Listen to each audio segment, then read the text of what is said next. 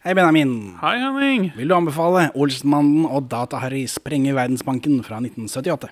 Nei Vil du anbefale 'Olsenmannen og Data-Harry sprenger Verdensbanken fra 1978? Ja. Helmaks, Egon.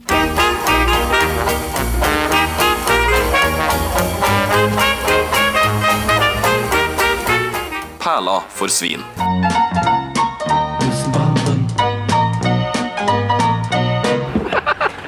Velkommen til Perleforsvinn, podkasten for deg som i likhet med karakteren Kongen er klar over at du eksisterer i et fiktivt univers, til underholdning for andre, og på toppen av det hele som en bikarakter. Hva skal til for å få like mye oppmerksomhet som karene i Perle for svin? Vi som bare er anonyme lyttere og ikke påvirker historien eller får noen oppmerksomhet. Eller noe annet. Jeg, det, jeg må workshoppe den litt mer, men det rekker jeg ikke, siden det er nå vi spiller den. Ok, vi er to middelmådige menn i 30-åra som ser norske filmperler. Eh, og i dag har vi sett Ordsmann nummer ni. Ja. Som er basert på Eh, danske Olsmann nummer ni. Ja, ja, okay. Nå er det ikke noe mer rot, heldigvis, i akkurat i den eh, kronologien der. Gått over halvveis, og jeg, jeg, jeg sliter fortsatt. Ja, det begynner å bli tungt, men uh, dette er vår last. Hvor mange så denne på kino, tror du? 600 000. Nå har ikke jeg med meg boka, for den er pakka, men jeg tror ingen ordsmannfilm noensinne har dratt inn 600 000. 402 000, som blir 4 millioner 828 232 kroner. Ja. Så du eh, forresten i rulleteksten hvem det er som er stuntmann her? Nei. Det er Tore Torell. Er det Tore Torell? Tore Torell. Det er en fyr som heter Arne Berg, eh, som er sånn stuntmann også i Olsmannen og alt mulig annet rart. Men han var sånn stuntmann-stuntmann. Sånn Ivel Kanivel hopper over ting-stuntmann. Arne Berg og Tore Torell. Jeg lurer på om ikke de var stuntmenn. Tore Torell også, altså. Ja. Og så ble jeg Altså, ja, jeg driver med magi også, men jeg er stuntmann også. Lurer på om ikke det var sånn jobb han hadde. For vi ble jo veldig overraska. Ja, han fyren som vi bare kjenner som tryllekunstner. Han, driver, han er stunt på at dere tør. At dere tør. og, og masse andre filmer. Så jeg lurer på om ikke han var stuntmann. Så er det bare Ja ja, vi husker han bare for det tryllegreiene, men han var stuntmann også. Det er litt som fotballspillere. Altså, Du kan ikke være stuntmann når du er 60. Du, burde jo, eh, du kan ikke være fotballproff når du er 60. Du kan ikke være, du kan ikke være stuntmann når du er 60 heller. Så det kan være lurt å begynne å diversify litt. Ja, ja, det lønner seg å bli Hvis du er fotballspiller, så lønner det seg å gå over til å bli skuespiller i Olsenmann-filmer. Men ja, det er gøy. Dette, men dette er bare den andre Tore Torell-stunt av filmen vi har sett. da Eh, Eller ja, jeg tror det. I hvert fall som jeg har lagt merke til. Det er vel et fra Frans Jæger i Berlin, ikke sant? Nei, det fins ikke flere Frans Jægerskap i Norge, så vi må komme oss ut av den gamle tralten, fornye oss og følge med tida. Eh, Aud Schønnemann, Arve Oppsal og Sverre Holm har prøver eh, på Sverre Udnes' kollisjonen på Oslo Nye, samtidig som de spiller denne filmen her. Prøver. Ja, altså de øver i et skuespill som de skal spille, da. Ja. For det er ikke sånn at de får manus samme formiddag som de skal gå på. Så i drama så er Arve Oppsal en forfyllet mann som stikker fra kona Aud, og Sverre Holm eh, flytter inn i et rom hun leier ut, før han flytter inn i senga hennes også. Heyo. Så da filmer de Olsmannen fra seks på morgenen til kvart på elleve. Og så løper de over til Oslo Nye for prøver, og så er det tilbake til Team Film klokka tre. Og så må Aud tilbake til teatret halv sju for å spille hovedrollen i et annet stykke. Så, så eh, hvis du syns Aud Schønmann ser sliten ut, Ja. Så er det kanskje fordi hun jobber som en gærning. ja, men det forklarer jo, forklarer jo saker og ting, det. Ja, denne filmen har jeg jo på Big Box VHS, som du har sett. Det stemmer. Jeg fant eh, noen skriverier fra eh, Rushprint, eh, og for så vidt i en av disse bøkene jeg har som ikke har fått slått opp i ordentlig, om hvorfor den første VHS-utgivelsen av Olsmann er så rar. Ja. Vil du vite? Veldig, veldig mye, faktisk. Det er på grunn av kommanditt, som vi snakker om i, Olsen, eh, i Orions belte, ikke Olsenmannen. Olsenmannen Olsenmann og Orions belte. For det er, det er kommandittgreiene. Eh, For det gjelder også Team Film, da. Dette er direkte fra artikkelen til Rushprint. Også Team Film, Norges største filmselskap etter norsk film, ble rammet. De levde nøkternt gjennom hele 80-tallet, eh, men hadde bl.a. Olsenmann-filmene i porteføljen. Alle med for lengst oppnådd overskudd. Team Film-gründerne Knut Andersen og Knut Bovim var engasjert utenfor selskapet, og var åpne for et salg, inkludert selskapets filmer. Altså, da, På det tidspunktet her så hadde de vel gitt seg til en Film, tror jeg. Ja. Derav De formulerer som engasjert utenfor, men jeg tror de bare er gitt seg. Men de eier vel fortsatt deler. Ja, det, altså Firmaet liksom teknisk sett fortsatt eksisterer, men det er ingen på kontoret? eller Jo, jo, kontor- Mattis Mattisson er jo der ennå, og det tror jeg er tatt inn noen andre folk. ja. Så det eksisterer fortsatt å lage filmer osv. Så, så er det eh, VIP, VIP, tilbød god pris i 1985. VIP er da et sånt kommandittselskap. Eh, og eierne sa ja. De skulle få oppgjør i VIP-aksjer til dagskurs mot å sitte på dem i to år. Det skremte ingen, for kursen steg jevnt. VIP satt åtte millioner i Team Films Viva Villaveien, som er en filmversjon av en sånn eh, Midt i smørøyet-serie, men før Midt i smørøyet. ja, det ringer en bjelle. Og alle var venner. Helt til oktober 1987, da VIP begynte å vakle. Fra 170 kroner per aksje sank kursen som en stein. Bovim klarte å selge sine aksjer for 50 øre stykk. Team Film var lagt i ruiner, og rettighetene til filmselskapernes livsverk var spredd for alle vinner. Sitat fra Rushprint, slutt. Ja, så de dreit seg ut på en gamble. Ja, rett og slett. Eh, men Team Fim hangler av gårde fram til Fredrikssons Fabrikk The Movie i 94, vel. Etter okay. den sære slutt, når ikke den eh, eh, drar inn de tallene de håper. Så hvem var det som gikk inn og kjøpte alle rettighetene tilbake for å få gitt Det må ha vært Eggmont, da. Nordisk Film og Eggmont. ja, For, Eggmont? For i dette momentet her så blir disse Noen filmer blir kjøpt av Eller noen VHS-rettigheter blir kjøpt av noen uh, selskaper, mens noen av de andre Osman-filmene blir kjøpt av noen andre selskaper. Og så blir de gitt ut litt sånn hipp som happ i big box. Og så på et eller annet senere tidspunkt så blir alt gitt ut av samme. Og da er det jo Eggmont da, og Norges Film som liksom eier dette. Danskejævler, altså? Ironi. Ja, det er jo de som eier Olsmann sånn til å begynne med. Men, er, men hvordan de har fått sopa inn alt dette til slutt, det vet jeg ikke. Men uh, nå er, er jo alle Osman-filmer under samme tak. Men de var ikke det en stund. Gøy. Av VHS-rettighetene. Så hvis foreldrene våre hadde driti i enebolig på 80- og 90-tallet, så Kjøp kunne noen VIP-aksjer istedenfor. Nei, nei, altså når VIP vakla og det ble konkursbo eller noe annet, Ja. så kunne våre foreldre eid hver sin Olsenmann-film. Det har vært noe. Vi går rett på filmen. da. Jeg har ikke noe mer å si, annet enn at denne har jeg, den big boxen har jeg. De big boxene, hvis du har mulighet til å kjøpe noen av de, eh, for en billig penge selvfølgelig, gjør det. Fordi folk betaler større penger for de. Ja, men du har ikke alle, du har to, eller noe? Nei, nei, jeg har én. Du har én. Den ene, ja. Fordi den var den eneste jeg fikk billig. De, Hvilken da? Jeg har, ser de, denne her. Hvis man sprenger Verdensbanken videre. Det, er- det er den jeg har kjøpt. Og kanskje én til har jeg sett på Finn. Tenk om det kommer noen, da. Slapp av, alle er jo oppe og ser på barnetoget. Så Olsenmann og Data-Harry osv. Dette er eh, I dag har vi sett mesteparten av en dansk film, tror jeg. Ja, for nå, nå, begynner det å, nå begynner det å bli mye eh, Her er det mye dansk. Fy søren. Ja, Men det begynner Fjerdedel, kanskje? Nei da, ikke så gærent er det ikke, men det føles eh, veldig mye. Jeg tima ikke det, men det er mye. Men det begynner med noe urnorsk. 17. mai. Ja, Men her er det, dette er jo filma på 17. mai. Helt åpenbart på 17. mai. Ja. Her er det, det er geriljafilming på 17. mai. ja Kong Olav er med. ja, visste, visste du det at uh, hele kongefamilien har en cameo i Olsmannen? Veldig, veldig rart. Olav, Harald og Håkon. Og Martha Lois er der. Sonja. Alle står på balkongen der og vinker. Mm ja, og ja, jeg vet ikke om de prøvde med Ropert å avklare at vi skal late som Dere som er her nå, lat som at dere er i Olsmann-universet. Nei, nei. De går jo over gata sånn rundt Grand Hotel der vel, over til Stortinget. Så jeg ser for meg at de bare har skifta inne i, rest, eh, i resepsjonen, og så bare kjør på! Ja. For du ser folk peke og Ja, ja, le. det er, de går over gata, Egon, Kjell og Benny, og mellom Benny og Kjell så eh, er det en fyr, eller en, en ungdom, som har rota seg inn der, så han går etter Benny. Så det Ja. er en fyr imellom der. Dette er bare, det er geriljaskyting. Det er Ja. morsomt, morsomt å se. Vi har vel ikke det samme strenge lovverket som New York og eh, Los Angeles på skytetillatelser for filming, da. Nei, men man er finner jo uten tillatelse der også. Du blir ikke skutt for det. Nei, men du kan få bøter for det. Ja, ja. I Norge så er det ikke sånn at bare, hei, hei, hei, dere har ikke snakka med byens eh, film... Det har de faktisk. Scenene fra 17. mai-toget var tiltenkt Olsmannen tar gull, altså film nummer tre. Men filmen fikk ikke lov av 17. mai-komiteen. De fikk lov av politiet. De er jo, Olsmann er gode venner med politiet av en eller annen grunn. Ja. Ironisk nok. Så, men 17. mai-komiteen har vel endret mening, da, når vi har kommet så langt som til film ni. For nå er vi liksom Nå føler jeg at nå er, nå er vi inne i Olsenmannen er en nasjonalskattområde. For nå, her, nå filmer de Stortinget, liksom. Utenfor, riktignok.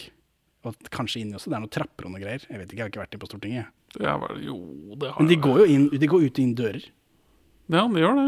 Det er med. Statsministre er med. Politikere Per Kleppe er med. Per Kleppe er med, har cameo. Lions til og med. ja. Og jo, så får vi jo se statsministeren da stå her og vinke. Men skillet mellom Olsenbanden som filmunivers og vårt virkelige univers blir jo viska ut Det har vært litt metahumor i Olsenbanden tidligere. Ja, dette er jo ikke metahumor. Er, er det det? Dette er jo Olsmann eksisterer i det samme universet som oss. Det er ikke Olsmann eksisterer i et univers med Olsmannen. Altså med Olsmann-filmer. Nei, men altså Er Egon Olsen kjendis? Eh, blant folk som har med lov og rett å gjøre, så virker det sånn. Det syns jeg er meget, meget, meget tynt begrunnet. For, for det første, han er ikke spesielt vellykket forbryter. Vi får vite i filmen her at dette kuppet i Nationaltheatret er store greier. Bed for diamantene er store greier. Man vet ikke at det er han som har gjort det, da. Nei, men, uh, Men han blir jo tatt hele tida. Men det, det, For kupp, ting, det ikke i for det, de sjølve tingene. det, det kuppet i Nationaltheatret hadde ingen fått vite om. Eller jo, det er all den ødeleggelsen i kjelleren. Ja, det, det, det er greit, men de får jo ikke vite hva som har blitt stjålet, siden det er noe de stjeler fra kriminelle. Det, den saken i Nationaltheatret hadde blitt dekket som hærverk under fremførelse av det, danske nasjonaleposet, bla, bla, bla. Men Hermansen vet jo alt om Ingmassen. og da sikkert også at den blir stjålet etter hvert. Ja, men snak, ja, politiet snakker Så det er jo innad i disse samme, eh, samme kretsene hvor Egon er eh, kjendis, er de kretsene som vet hva han har gjort. Det er ingen annen grunn til at Per Kleppe skal vite hvem Egon Olsen er, bortsett fra at han har vært med i filmer. Det henger ikke på greip. Og det er Uenig. flere sånne ting som kommer opp senere. Det er gitt ref min intro her. Kongen har levd i skyggen. Det er skyggen. ikke kongen, det er mester Hansen. Hæ? Har du ikke fått med deg at det er en annen karakter? Nei. Altså, de sier det jo flere ganger. Ja, Du er helt på bærtur. Helt på bærtur. Det er ikke kongen, det er en annen karakter. Hæ? Det er en annen karakter. Hvorfor det? Sikkert fordi de har en karakter i Danmark, og så vil ikke Knut Bovim ha Han vil ha med Henke Kåstad, for Henke Kåstad er kul. Folk liker Henke Kåstad. Ja, men, men den, der, den talen han har om at han lever i skyggen av Egne Olsen og sånt, det, det, det blir bare piss. Jeg syns det bare blir piss. Jeg Ja, du, har blir med er, du har ikke fått med at det er forskjellige karakterer? Nei, det har jeg ikke. Men uh, de, de er jo ganske like. Og fuckings Biffen sitter og hører på radio, og så er det den sangen fra Kongen av Knekten. Ja, ja, ja. Og det er han som synger. ja, Altså- Arve Oppsal kommer inn i radioen der altså, så du trenger, du trenger ikke å tenke på det. Skillelinjen mellom det ekte Norge og Olsenbanden-univers Norge begynner å gå opp i sømmene. Kleppepakka? Men det er jo bare papir i den. Det fins ikke noen penger der. Visst er det penger i den for den som forstår seg på det. Jeg er nemlig blitt kjent med en redaktør av et tidsskrift. Og han er villig til å ofre hele sin kapital for å få tak i den pakka. Og du er det, Egon. Egon er ute på gata, 17. mai-greier. Hvorfor det? Han ble låst inn i forrige film. Pleier vi ikke å se han kommer ut? Ja, Veldig rart sted å starte en film i det hele tatt. Han har kommet ut mellom filmene, da. Det får bare være. Eh, de skal kuppe Stortinget, men det er ikke flere fransjegere i Norge, sier Egon. Vi får se da i de neste filmene om det er det eller ikke. Ja, og nå er det, for, Men nå er det Francis Hunter. Ja, dette har vi hørt før, har vi ikke det? Jo, vi har det. Jo. Jo, forresten, øh, øh, dette safe-greiene. Tidligere så har vi øh, hatt litt trøbbel med Når ikke det er Frans Jæger, så har det vært Vrygg og Vrolsen eller noe sånt noe. Det viser seg å være et safe-merke.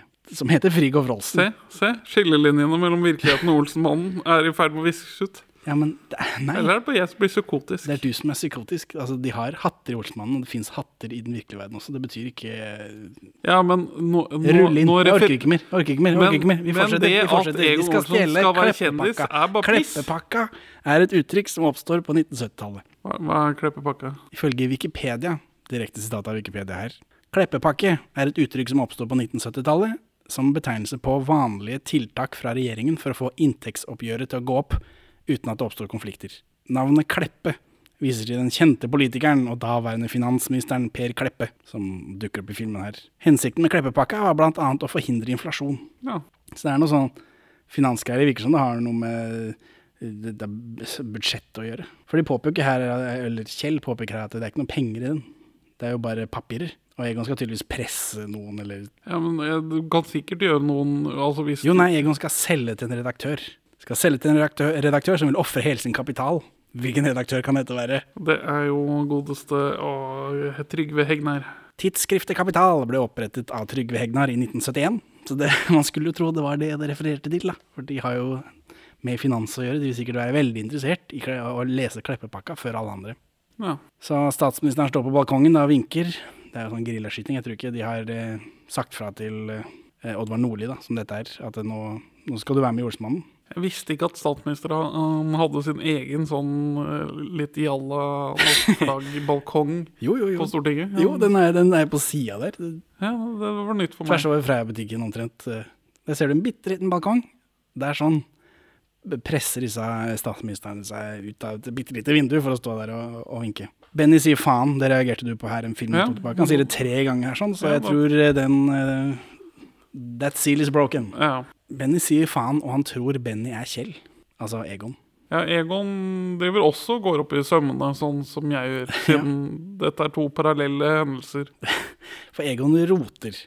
Nå er Egon gammel og senilkonfus i den filmen her. Han blir liksom Han er gammel og rotete. Han glemmer ting. Ja, Han er veldig gammel og rotete. Han virker jo faktisk senilkonfus. Ja, for det er et sånt eh, På disse Francis Hunter-greiene så må du ha et sonetall. Bla, bla, bla. Det er noe McGuffins. fra Ja, noe dritt. Og så har Egon glemt dette sonetallet, da. Karsten Byring han er hoven i trynet i den filmen her. Han ser sliten ut. Ja. Mer sliten ut enn vanlig. Og så gir Benny og Kjell opp å finne dette sonetallet, for nå er de inne på Stortinget. Så begynner de å rote rundt i stedet. Og her finner de, her finner de en svidd mappe som det står Loran ABC på. Hva er det for noe? Det, eh, Loran C var et navigasjonshjelpemiddel. Ja, det så jeg, men det er ikke ABC. Nei, men det er Loran C. Han, det er mye bare en vits på at det er ABC. Oh. Men hvorfor skulle de brenne dokumenter, da? Nei, for uten Stortingets innblanding så hjalp Forsvaret amerikanerne med å bygge Loran C med begrunnelse om at dette var bare til sivil bruk. Så det, det er, det, dette har ikke Stortinget og regjeringen noe med. Så vi bare bygger opp disse senderne på flere taktiske steder i Norge. Og så viser det seg, da får, blir Stortinget underrettet om det i en rapport, at nei, disse skal jo faktisk også være til hjelp for eh, ameriko amerikanske atomvåpen plassert i amerikanske ubåter. Ja.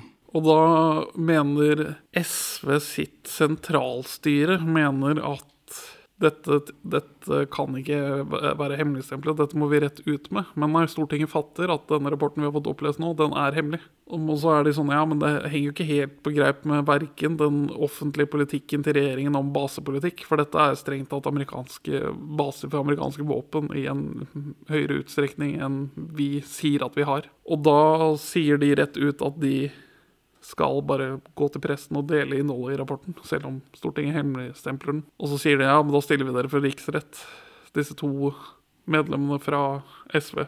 Hvorav i hvert fall én av dem ikke, helt, ikke helt står inne for det, men sentralstyret i SV mener at det må de gjøre. For han vil vel ikke riksrettes, skal jeg tenke meg. Ja. De er jo noe feiger ofte, politikerne. Og da er det to år hvor denne prosessen durer og går, før den til slutt blir nedstemt med et veldig svakt flertall om å droppe eh, riksrettssaken sånn 44 til 43 eller noe annet. Men de går ut med det. De går ut med det. Ja, ja. Så det er det det er en referanse til. For dette her, her kjenner jeg Når Knut Bovin sier han legger til rette for norske forhold, det er dette han mener. Ja. det er referanser til norske ting. Så, og det, med, det neste de finner, er kriminalmeldingen for 78. Og hva står det der, sier Benny. Slipp fangene fri, det er vår. Understreket Haugestad, sier Kjell. Arne Haugestad var ekspedisjonssjef i Justisdepartementet og sjef for fengselsstyret i perioden 1975 til 80, og senere forsvareren til Arne Treholt for så vidt, uten at det har noe med ordsmannen å gjøre. Men eh, det er jo dette, den politiske snerten, at de liksom åpner opp at vi skal være snillere med, med kriminelle. Og så finner Benny trusa til Borten. Ja. Tanker. En annen Per. En annen politisk Per. Ja. Per Borten, tidligere statsminister. Sitat Wikipedia. I i anledning at dronning Elisabeth og prins Philip Fred være hans minne. Og kanskje hennes, når vi, denne slippes. Ah, jeg, ti- jeg tipper fire år til, jeg. Fire år. Ja. Ja, og mora var jo seig. da. Mora var seig som bare faen, og hun her virker seig, hun òg. Altså. Dronning Elisabeth og prins, prins Philip Prins Philip skulle på statsbesøk i Norge i 1969. Da, sitat, Borten skapte også overskrifter under forberedelsene til det britiske statsbesøket. Under en varm sommerdag på gården i Flå arbeidet Borten ute mens han lot seg intervjue av Dagbladet, og varmen gjorde at han arbeidet kun i underbuksa. Jordnær type. Ja. Altså en beste, koselig bestefar-type. Jobber i hagen i trusa når det er de har jo tatt masse bilder av han mens han driver med det. Fotograf Øystein Kleiven knipset bilder hele dagen, og dagen etter prydet det- prydet underbuksebildet avisen forside. Ja, ja. Mens en lang rekke lignende bilder sto inne i avisen. Det som i utgangspunktet var en folkelig og uformell måte å ta imot besøk på, ble etter hvert en belastning for Borten da han ble latterliggjort i revynumre og i aviskommentarer. Borten hevdet siden at bildene ble tatt med telelinse uten hans samtykke. Bildene fant også veien til britisk presse, og tabloiden Daily Mirror trykket dem under overskriften Nå er den norske statsministeren klar for dronningen. Ja, det er ikke bare rumpa til Fabian Stang, sier som kom på trykk. 35-48. Det er fint, Kjell. Hva? Så, men de driver og roter rundt da, og forstyrrer Egon mens han tenker, prøver å komme på dette tallet. Så Egon jager de. Og så kommer, kommer Per Kleppe inn, og han har kleppepakka under armen hvor det står 'Til det norske folk', pakka inn og greier. Og så sier han 'Egon Olsen', og så blir han tatt, da. Helge Reis spiller jo en sånn Per Kleppe-type i forrige Olsenmann-film, så nå har de endelig fått inn sjølveste Per Kleppe. Forvirrende greier. for noen i podkasten. Så er det fengsel, da. Egon ut av fengselet. Gutta står ikke og venter ute. Og Egon hallusinerer at de er der. For der er det en, en litt finere bil. Den er ikke sånn kjempefin. Nei, men litt nyere Ja, og av japansk merke. Ja, i tiden. Altså, det har skjedd økonomiske endringer og globaliseringen av verdensmarkedet. Ja, og Det er jo disse, disse asiatiske bilmerkene og stereoprodusentene presser jo ut gode amerikanske og norske produsenter. ja, alle de norske bilprodusentene. Troll, Tink, Buddy. Buddy Er Buddy norsk? Nei. Nei. Eh, men Benny og Kjell står ikke på utsida, vi vifter med flagg. Og da hallusinerer Egon først at den bilen er en gammel bil, og så at de to står på utsida og Ja. vinker sånn som de pleier. Men det gjør de ikke. Så han bop, bop, bop, de hallusinerer tilbake. Dette, dette liker du. Dette liker jeg. Ja. Dette er dynamisk og Du er, du er lett å lure. Men, men de er jo der. De er jo inni den bilen, bare. Ja, men Er det noe å være deppa for at de ikke står utafor med flagg? De går ut etterpå når de ser han kommer. Ja, men det er jo det at de ikke står klare og liksom hyller sin sjef på samme måte. Da, eh, Ja, for de har jo en ny sjef nå. Vi, ja, vi fortelles at de ikke står utenfor bilen, forteller at Egon har hatt et statusfall. Hans markedsverdi har falt. ja, fordi når Egon kommer til denne bilen, så er, er gutta inni bilen der sånn, sammen med Data-Harry. Han sitter og kjederøyker i dressen sin. Ja, Dette er jo et knallår for Harald Heidesteen. Syns du han ser bedre ut? ja litt. Han ser ikke like trist ut. Nei, som vi lærte av forrige uh, Dynamitt-Harry-film, så er jo 78 et knallår for han. Suksesser. Uh, han har kommet seg over dette selvmordsforsøket. Uh, vi får forklart da at Harry har sovna i en container og ble med til USA og har studert eh, der. Er ikke det en sånn treukerstur eller noe med et sånn standard lasteskip? Han har vel sovna i en ølcontainer, så han har vel hatt uh, næring. Ja, ja, masse vitaminer i øl. ja. Uh, og så her Benny sier Dynamitt-Harry som om han alltid har hett Dynamitt i fornavn. Ja. Og nå er han vel Data-Harry, da, sier han da etterpå. Men liksom, det er ingen som har kalt han Dynamitt-Harry før. Han heter bare Harry. Filmen har kalt han det. Nei, altså filmen har kalt han Harry. Men i den filmen her så sier han Dynamitt-Harry. Benny sier ja, Nei, men altså, før så var Dynamitt-Harry, men nå heter han vel Data-Harry. da. Titlene er Dynamitt-Harry, er Ja, det jeg mener. Ja, ja, ja, men, det er ingen som sier eh, Hei, du, eh, Dynamitt-type Harry. Ja. Herr, herr Dynamitt. Som igjen må jeg på, påpeke at skillelinje mellom det virkelige Norge og Olsenmann-universet bryter sammen. Publikum er nå med å oversette det danske manuset til norsk. Ja, det stemmer blir de nok. De tar noen føringer fra ting som har skjedd eh, på, på mottagelsen. De tar noe på den mottagelsen de selv mener er så negativ av kritikerne. Men så positiv er publikum. Men du, du er ikke med, med på min uh, hypotese om at uh, skillet mellom virkelighet og Olsenbanden er, er svakere i denne filmen enn ellers. Bare Altså at det er ekte mennesker, Hva som skjer i filmen, er påvirket av at folk har sett Olsenmannen-filmene. Bare fordi Per Kleppe vet hvem Egon Olsen er? Med mere. Det, det kommer jo mer. Disse kuppene som Egon Olsen liksom skal være så kjent for og sånt senere. Han er ikke kjent for dem, de kuppene er kjente. Og så det tar mester Hansen æren for det, som du tror er kongen. Du har ikke fulgt med på filmen her i det hele tatt. Mester Hansen sitt forhold til Olsenmannen er som en publikummer. Han er en publikummer som vil leve som Egon. Han er, ikke en, han er ikke en karakter. Han er Han er en del av Oslos underverden, og, Ja, men, men vi vi- har ikke fått etablert Olsemannens forhold i Oslos underverden før. Vi har, bare, vi har sittet og spekulert at eh, Oslos underverden ser på de litt som Tangerudbakken-folk. At de liksom eh, De er litt spesielle, vi lar de være, vi lar de holde på med sitt. Ja, for de har jo aldri noe med Oslos underverden å gjøre. Nei, men nå har de det, da. Så nå får vi jo forklart deres forhold til Oslos underverden. At de Olsemannen er toppen av Oslos underverden, og alle ser opp til dem. Som er litt pussig, men det er nå det filmen forteller oss. Som følge av at folk har sett de som har skrevet manus, har sett filmene før. Noe skal de skrive i manus, da. Jeg tror Også, Og så eh, Du gjør for mye ut av det. Harry er blitt et aksjeselskap, han? Ja, og søstera til Benny og, og Valborg og Harry sitter i styret. De sier at Harry er blitt et aksjeselskap. Ja. Går, uh, går det an? Gir det noe mening? Han som person har blitt Harry, har blitt uh, aksjeselskap, og Han- bilen tilhører firma. Han har vel blitt et enkeltmannsforetak, og så har han konvertert det til et ja, sikkert. Og her får vi høre Valborg, Harry og søstera til Benny sitter i styret. Benny har ikke noen søster. Ja. Dette er første og eneste Ja, gangen. hva, hva- er det for noe? Jeg vet ikke. Harry altså, Det er jo søstera til Harry også. Du skulle jo tro det hadde kommet opp tidligere. De har snakka om barndommen sin i film nummer to. eller noe sånt. Ja. Det er ikke noen søster der. Jeg tror ikke, eller, nei, Det er umulig å vite, for vi har ikke sett de andre. Men jeg tror ikke hun kommer opp senere. Men Valborg har en søster. Det er tidligere etablert. Ja, Eh, det I er hvert fall i de aller, aller første filmene. Så det er mulig det er noen oversettelsefeil her fra Danmark. Uvisst. Eh, Men Egon stoler ikke på Harry, han vil ikke ha ham med. Men det er Harry som er sjef nå, får han vite. Ja. Han For Benny og Kjell er ansatt i aksjeselskapet Harry, antar jeg. Og her høres det ut som de har en ordentlig jobb. De får 36 kroner timen og har fri på lørdag. Men de driver jo med brekk. ja, de driver fortsatt med brekk. Ja, de betaler jo ikke skatt, antar jeg. For de driver jo fortsatt med kriminalitet. Du kan ikke være ansatt i et firma som driver med kriminalitet. Nei. Du kan jo da, men det er ikke lov. Det er ikke, det er ikke Her legger de det fram som, de, som i film nummer to. Ja, altså, de, Når de, liksom, når han, de jobber på dagligvarebutikk, eller hva faen det er for noe. De legger det fram sånn, men det er ikke det de gjør. De, de får betalt av Harry for å være med på brekk. Det, det, hvorfor skal du ikke ha en andel, da, sånn som vanligvis er i banden? Vanskelig å si. Benny sier at Harry er 34, det er akkurat riktig alder. Tror du Harald Eidesteen er 34? uh, Nei, jeg vet ikke. Han er 39. Ja. Rart å si at han er 34, og at det er riktig alder. Hvorfor skal det være riktig alder? Ja, men øh, det kan jo være fyll da, som har øh, eldet øh, legene hans fortere. Jeg tror Harry, eller her, Harry er en slags amerikansk stereotype. Harry er en yuppie. Ja. Jeg tror det er det han skal være. Jappetida jappe, har ikke kommet helt til Norge ennå, men nok til Tydeligvis, da. Det er jo før 80-tallet. Jappetida Jappetid er noe vi forbinder med 80-tallet, men han er jo en sånn Driver med aksjer, har dress. eh, Han, alt skal gå snap, snap, snap. eh, Alt er liksom Amerika er det beste. Very good. Yes, sir. Ja. Eh, Alt dette greiene her.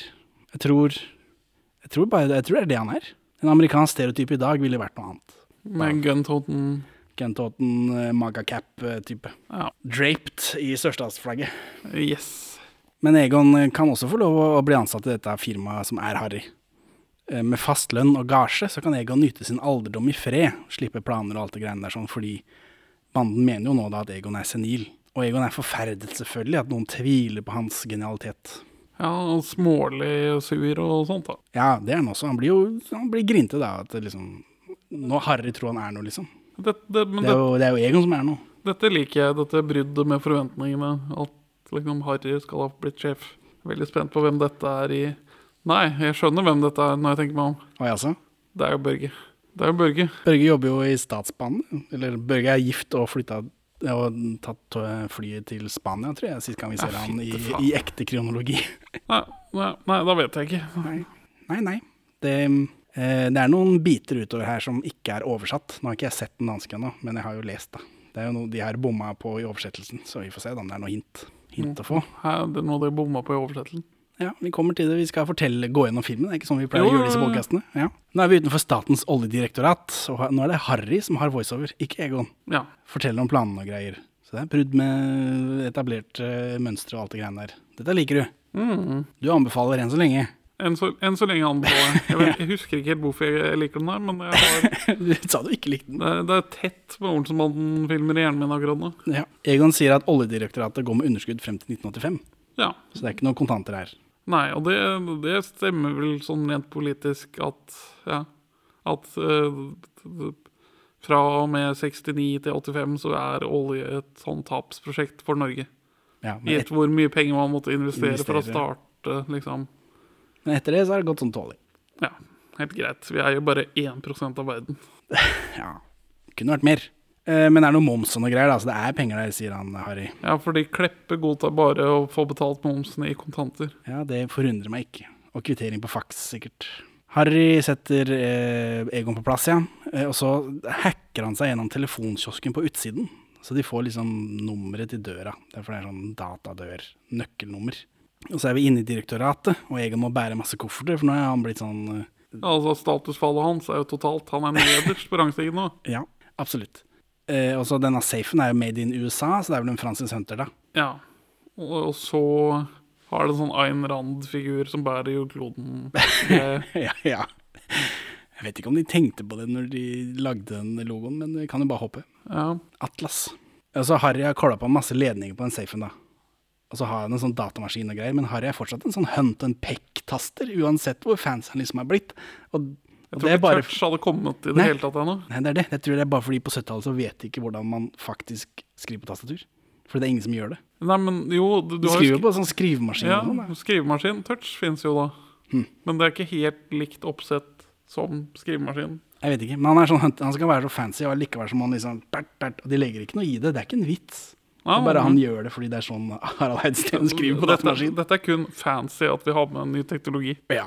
Eh, Men Egon tåler jo ikke dette. At dette. Hvis dette går bra, så har de jo tjent masse penger, og det er ikke hans plan. Så han saborterer denne datamaskinen. Putter en spiker oppi et høl. Oppi en AUX. en eller annen, en eller annen ledninginngang Ja. Som uh, gjør datamaskinen om til en Amiga, tidlig Amiga-spillmaskin. Det virker sånn, for da begynner hun å spille pong. Ja, og så flere andre spill. Ja, Et skytespill, et sånt tankspill. Min mor hadde Pong-maskin når hun var liten, Jaså? så jeg er en andre generasjons gamer. Wow. Harry sier at han har hatt en lang og dyr omskjæring, nei, omskulering.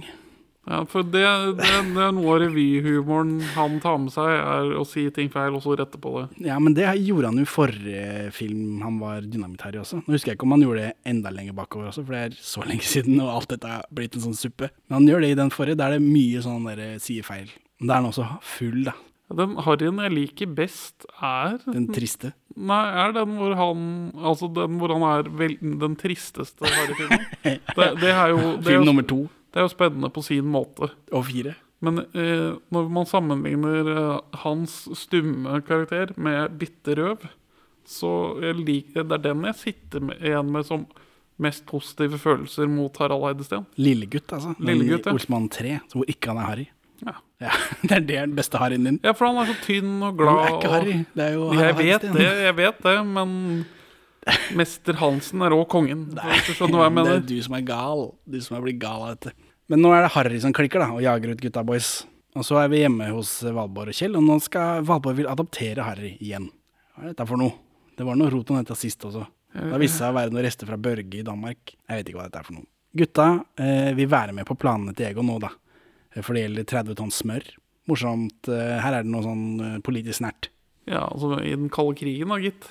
Ja, det også. Det er jo 78. Ja, De skal selge smøret til Russland, noen. Ja, det er Det- stortingsfyr skal selge smør til Russland fordi Stortingsfyr. Ja. Stortingsfyr. Stortingsfyr, ja. For eh, smør i Norge blir subsidiert av staten, så det lønner seg for bøndene å lage så mye smør som mulig, selv om ikke det blir solgt. Ja. Da blir det stående på Og så er det ikke lov å selge subsidiert smør, så det blir stående i jernbanevogner. Og Det så er er ikke lov å sånn eksportere, tror jeg de mener. Det er det, ja. Men de sier det ikke helt tydelig. Nei, nei. Og så er det en sånn stortingsfyr da, som har eh, fått snuska seg dette fordi han var sjef i smøringskomiteen eller sånt, noe som er politisk nært. Lars Mjøen gnir seg i hendene, koser seg, slår seg på låret.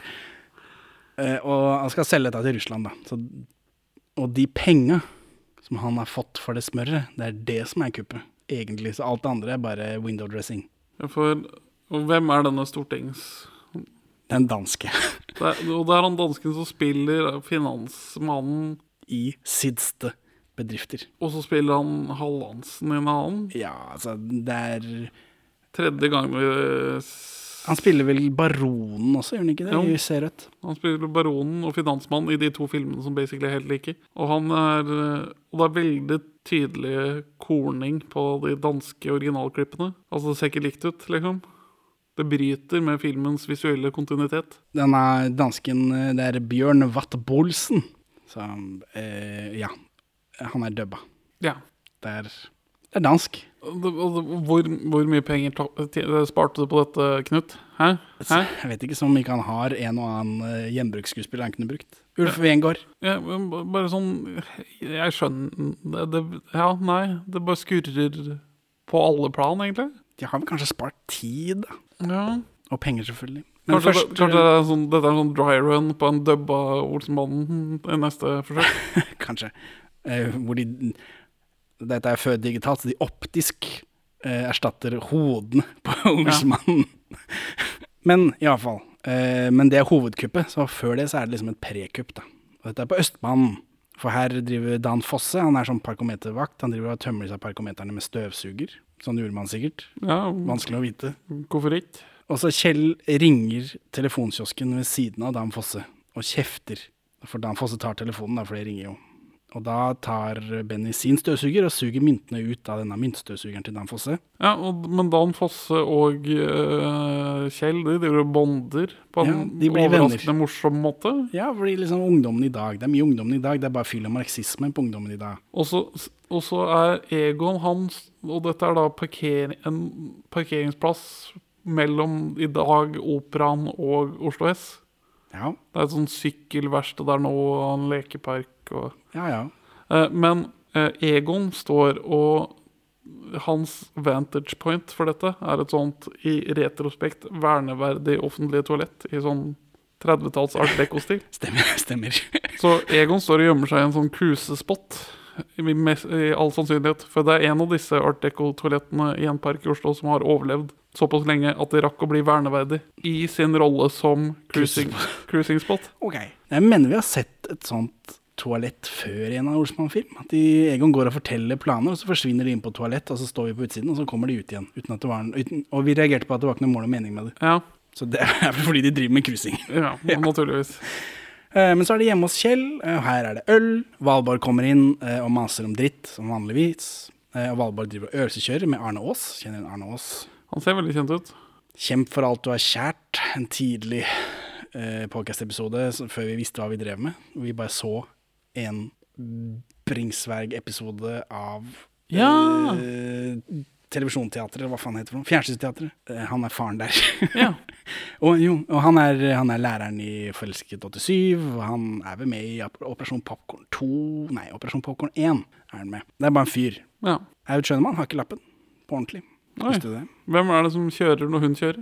Eh, ifølge denne eh, norske boka til Jans eh, Selås, så er det Wenche Knutsen. En sånn testkjører for Lada, står det. Men jeg tror hun er bare sånn råkjøredame.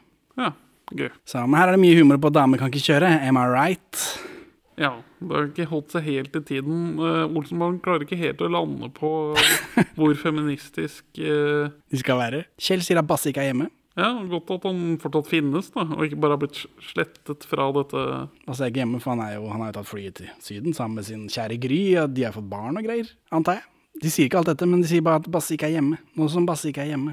Så nå er han ikke dynamitt-Harry lenger, nå er han eh, data-Harry, hva? Men kuppet denne gangen er jo ti millioner dollars. amerikanske. Ja. Og her får vi den forklaringen om smør som subsidieres og alt dette greiene. Og hele tida mens Egon forklarer dette, så driver Kjell og flyr rundt og gjør husarbeid. Hva er dette for Ja, for dette er vel en feminismegreie. Altså kvinner ute i arbeidslivet eller ute og kjører bil. Altså må mennene ta på seg noe av kvinnenes arbeidsoppgaver. Herregud. Fysj og fy. Ja, Æsj. jeg liker det ikke, men jeg har ikke noe valg, da. Nei, Som Kjell. sånn, sånn, sånn har det blitt. Det var bedre før, si. Og her uh, får vi vite at Hallandsen kom med danskebåten. Hallandsen er død. Ja. Han er tidlig etablert som død, men det er fortsatt Alf Malland og hans kølle som spiller Hallandsen. ja. Så jeg vet, jeg vet ikke. vet ikke. Og nå, nå driver Egon og måler opp, skritter opp midt på gata. Og, dette er da parodi på tidligere oppskritting. Jeg vet ikke, Har de skritta opp før? Nå føler jeg at vi får Ja, eh, det- se hvordan de liksom eh, Hvordan de lager pannkake. Det var opp, oppskritting i første film, i hvert fall. Eh, ja, det stemmer vel. Det har, ja, det dette er i hvert fall tredje gangen de skritter opp. Ja. Men dette er første gang de skritter opp eh, over 1000 skritt. Ja, det er lettere med Google Maps. Ja, Og nå har Egon en sånn greie som passer på at han ikke beveger beina for langt. For å Ja, for han skal ha en meter, da. Ja. Ja, det var det jeg tenkte på. At nå liksom det er sånn Det er sånn han har gjort det før. Ja, det- Men før så har han bare presentert planen. Dette er planen. Så Nei, og så mange meter. Vi har jo sett oppskriting før. Ja, ja. Og så blir det morsommere, for da får Egon har jevnt tempo. Så Kjell får mindre og mindre tid til å si de lange tallene. Det er sant. Eh, nå er vi inne og får hilse på Hermansen. Han får høre om Hallandsen av Holm. Husker du han der fyren som tok rotta på det her for så og så mange år siden? Gjorde han det? Om man husker han? Nei, men jo, tok han rotta på han? Ja Tja Tja til, Helt til slutt så var det vel Hermansen den siste gang. Jeg husker ikke, ass. Disse skurkene. Litt tynne karakterer her. Hermansen er deppa, da. Ja. så noen andre får ta dette. Ja ja. Så er det Olsmannen. Altså banden. De skal utføre dette kuppet. Her kommer det Televerket-telt. Det har vi sett. Det er- Episode 100. At de driver og roter rundt med Televerket-telt. Har det noe med dette å gjøre? Sikkert ikke. Det var i 79, var det ikke det? Dette er 78. Ja, men du kan jo ha filma det i anledning Jeg tror Televerket planlegger et år i forveien. Ja, det er stort byråkrati. De har ikke noe annet å gjøre. Nei, det var det. Ja, altså, De får jo bare lov til å bygge et visst antall, Meter. selv om de har masse spenn. Så de brenner jo bare de spennene på å planlegge kortfilmene sine. Derav hvorfor den har så mye høyere kvalitet enn noen av de andre. Fordi Televerket har bare Det kan stemme. Nå kommer Ulf Wengård, da. Han kommer i Cadillacen som skal leveres til Hallandsen. Eh, For han kommer med danskebåten da, på kaia der hvor Olsmannen har satt dette Televerket-teltet midt, eh, midt i gata. Og da tar Benny og tømmer den Cadillacen for bensin via dette teltet. Og fyller på akkurat riktig da, mengde bensin til planen. Så går Hallandsen av båten, det er Alf Malland og hans kølle. eh, Og så setter han seg i bilen og sier tusen takk for at jeg fikk eh, leie den bilen, kjører av gårde, og så får han stopp midt på trikkeskinnene. Benny og Kjell dytter. Så trenger du hjelp? Ja, dytter han av gårde. Egon tar kofferten bak i baksetet og rekker tunge til han. Hvorfor er det så viktig for de, eller jeg vet jo, når jeg tenker etter, når jeg sier det, så vet jeg jo at Egon, det er viktig for Egon å få kred for kuppen han gjør. Men det er jo dumt da, å la seg gjenkjenne hver gang. Ja, ja men, men vi får jo vite senere at Egon sin mot motiveres ikke av penger. Nei, det er sant, det er kunsten. Kunsten han motiverer seg. Ja, og da, da vil han da tøffe seg for andre fra underverdenen. Tydeligvis. Så Egon tar kofferten, og så rekker han tunge til eh, Hallandsen. Og så løper han av gårde, og Hallandsen løper etter. Og så kommer det en sånn politiparade. Så har Egon liksom løpt inn i denne politiparaden, eller hva har skjedd? Nei, det, de, de, de, han sier vel noe om at planen innebærer noe om at han skal bli sett av politiet for at han skal ryddes av veien. Så jeg tror det er innbakt i planen at politimusikken Hallandsen, altså. Ja, jeg tror det er innbakt i planen til Egon at Hallandsen skal bli sett av politimusikken idet de marsjerer ut fra stallen på Akershus festning. mm. Ja. Og det henger jo på greif geografisk sett, ish, i hvert fall. Eh, og så legger banden penga inn i en sikkerhetsboks eh, på Oslo øst der. Fire, fire år til den blir sprengt. ja, så de må passe seg. Er, eh, vi får egentlig se disse, disse mm, boksene mer enn jeg hadde trodd i norsk film. Ja. De dukker opp hele tiden. Men, men i, i, Spesielt teamfilm. i jeg, jeg, jeg leste meg opp på det. Og eh, Oslo S, selvfølgelig. Eh, Døden på Sless. Der er de også. Jeg leste meg opp på det i anledning denne filmen, og de sikker, eh, disse sikkerhetsboksene, eller disse bagasjeboksene heter det vel, de, de var eh, mye mer eh, For der vi er kjent med at de er nå, så er det liksom stua sammen mellom en rulletrapp, og er, de er liksom gjemt litt bort. Mens i gamle dager, før de utgjorde en trussel mot befolkningen Ja, vi ser det jo hele tiden. De er jo størstedelen av, Østpå, Ja. av Østbanen De var liksom litt ut på gulvet der. Ja, det er jo det de Nå er Østbanen sushi og sånn drittrestauranter ingen går på, mens den gangen så var det de boksene. Ja. Virker det som, når vi ser, de, når vi ser hallen i disse gamle filmene. Men det ble, de ble da stuet vekk etter at For nå står de på et bombesikkert rom. Ja. ja. Men det er bra at de tar sikkerheten på alvor. Og her eh, får vi se han av stortingsfyren igjen, og dette er første gang vi får se at han faktisk er dubba til norsk. Wow, har jeg skrevet. wow.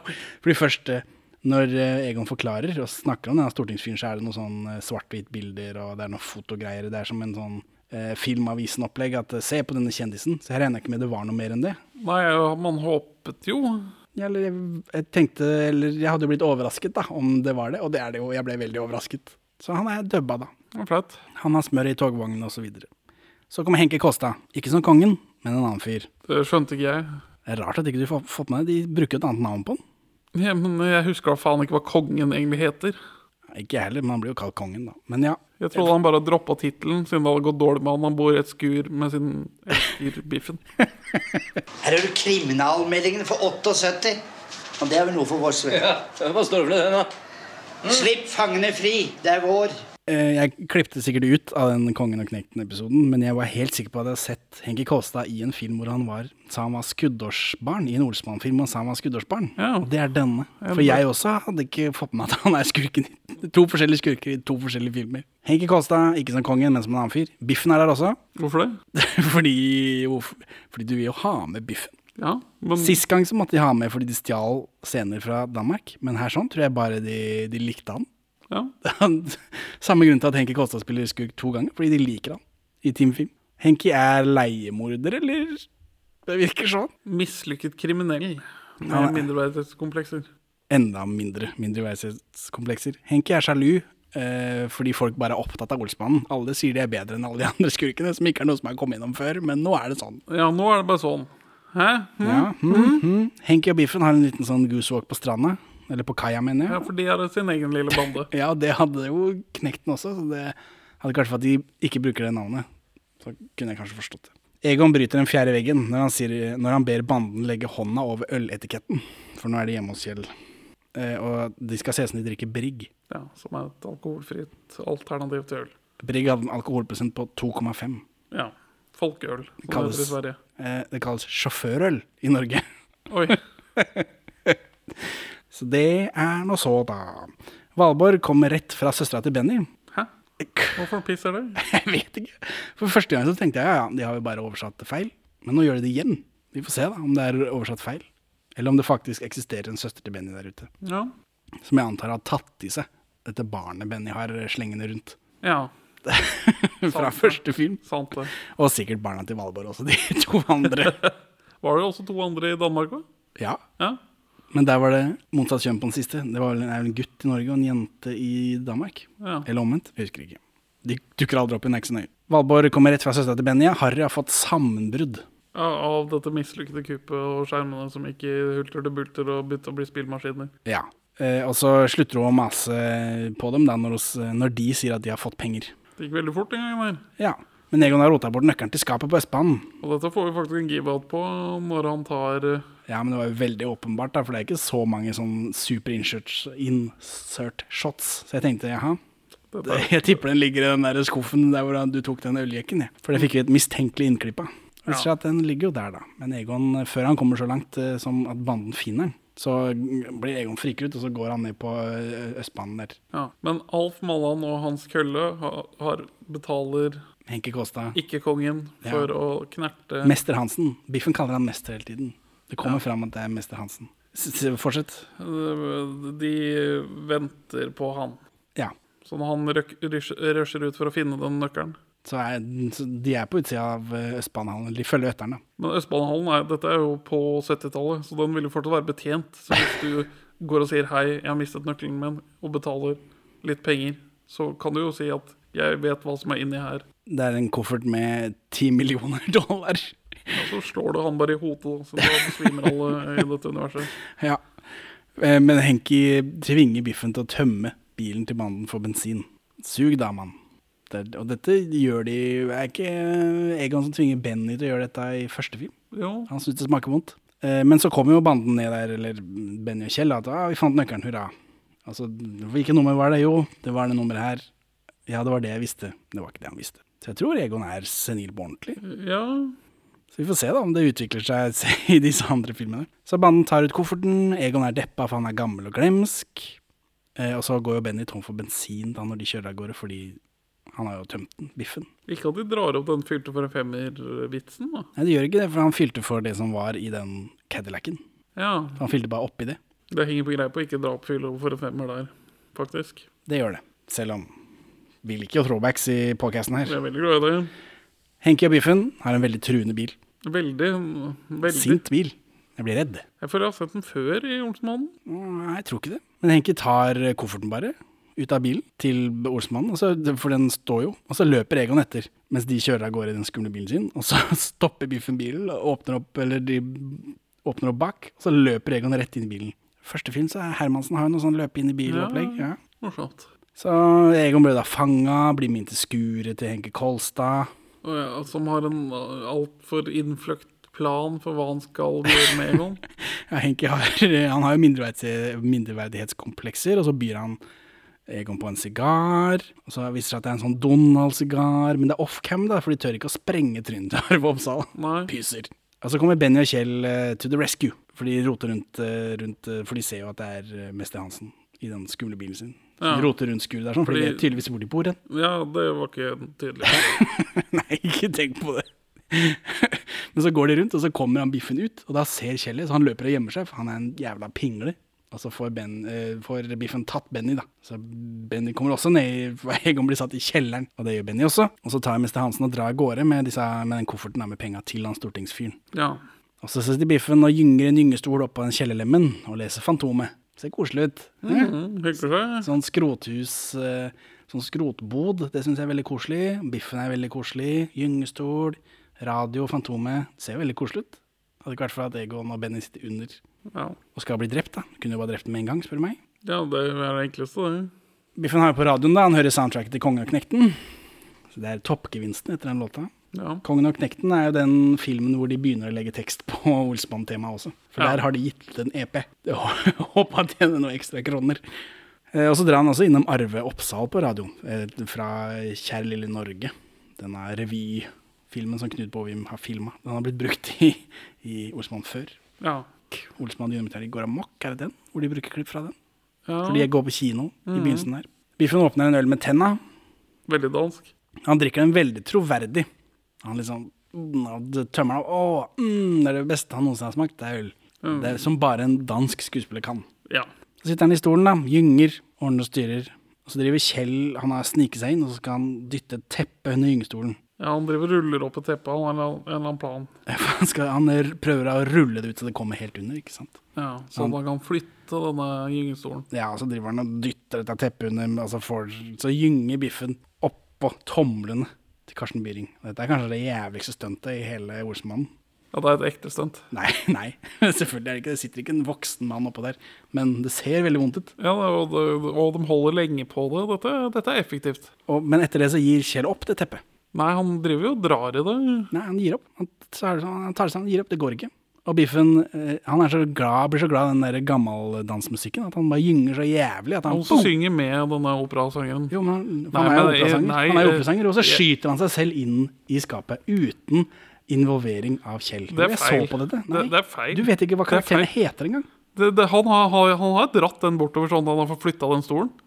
For Ove Werner Hansen er ikke så nærme det han etter hvert faller i, før Ja, du mener at han har flytta stolen bakover? Ja, det er det, det, er det Kjell driver med her. Hva var planen hans? At han flytter stolen bakover og håper at eh, han gynger så jævlig at han detter bak av seg sjøl? Ja, hovedplanen er vel bare å få han først av den luka, men jeg tror ikke han har noen sånne store tanker. Og så blir da overværende Men eh, nei, jeg tror planen er at hvis han gynger frem og tilbake, så vil han, som jeg gjør nå mens jeg snakker, eh, så vil han etter hvert eh, øke gyngingen sin i takt med musikken, og dermed dunke borti et eller annet. Han skyter jo seg selv bak i et skap. Ja, men det er fordi stolen er flytta. Men, men så hvis ikke han hadde flytta stolen, så hadde han skyte seg selv bak på gulvet. Ja, da hadde han bare vippa den hardere lenger bak uten å treffe noe. Og så vippa tilbake igjen. Men han skyter seg selv ut av skolen. Jeg- Dette, Det, jeg så det dette, mulig, jeg så det dette mulig nyligere den, enn deg. det er mulig denne idiotplanen til Kjell uh, er det som har skjedd. Det, er, når- det kan hende, men fordi jeg har sett for meg at han skulle ha den under, og så skulle han røske til, sånn så Biffen hadde skyt, blitt skutt ut av stolen. Det er, det, det er jo ikke Kjell stor nok til å gjøre. Ikke den filmen, nei, men den er basert på en dansk film, bla, bla, bla. Ja. Nei, Eh, ja. samme det, den eh, diskusjonen er dødfødt. Det er fullt mulig at din versjon stemmer, eh, men det er jo idiotisk, da. En dårlig plan. ja, ja, men velkommen til Olsenmannen. ja, det var det. Sett i gang, da! Sug! Ja, men mister, det smaker pyton!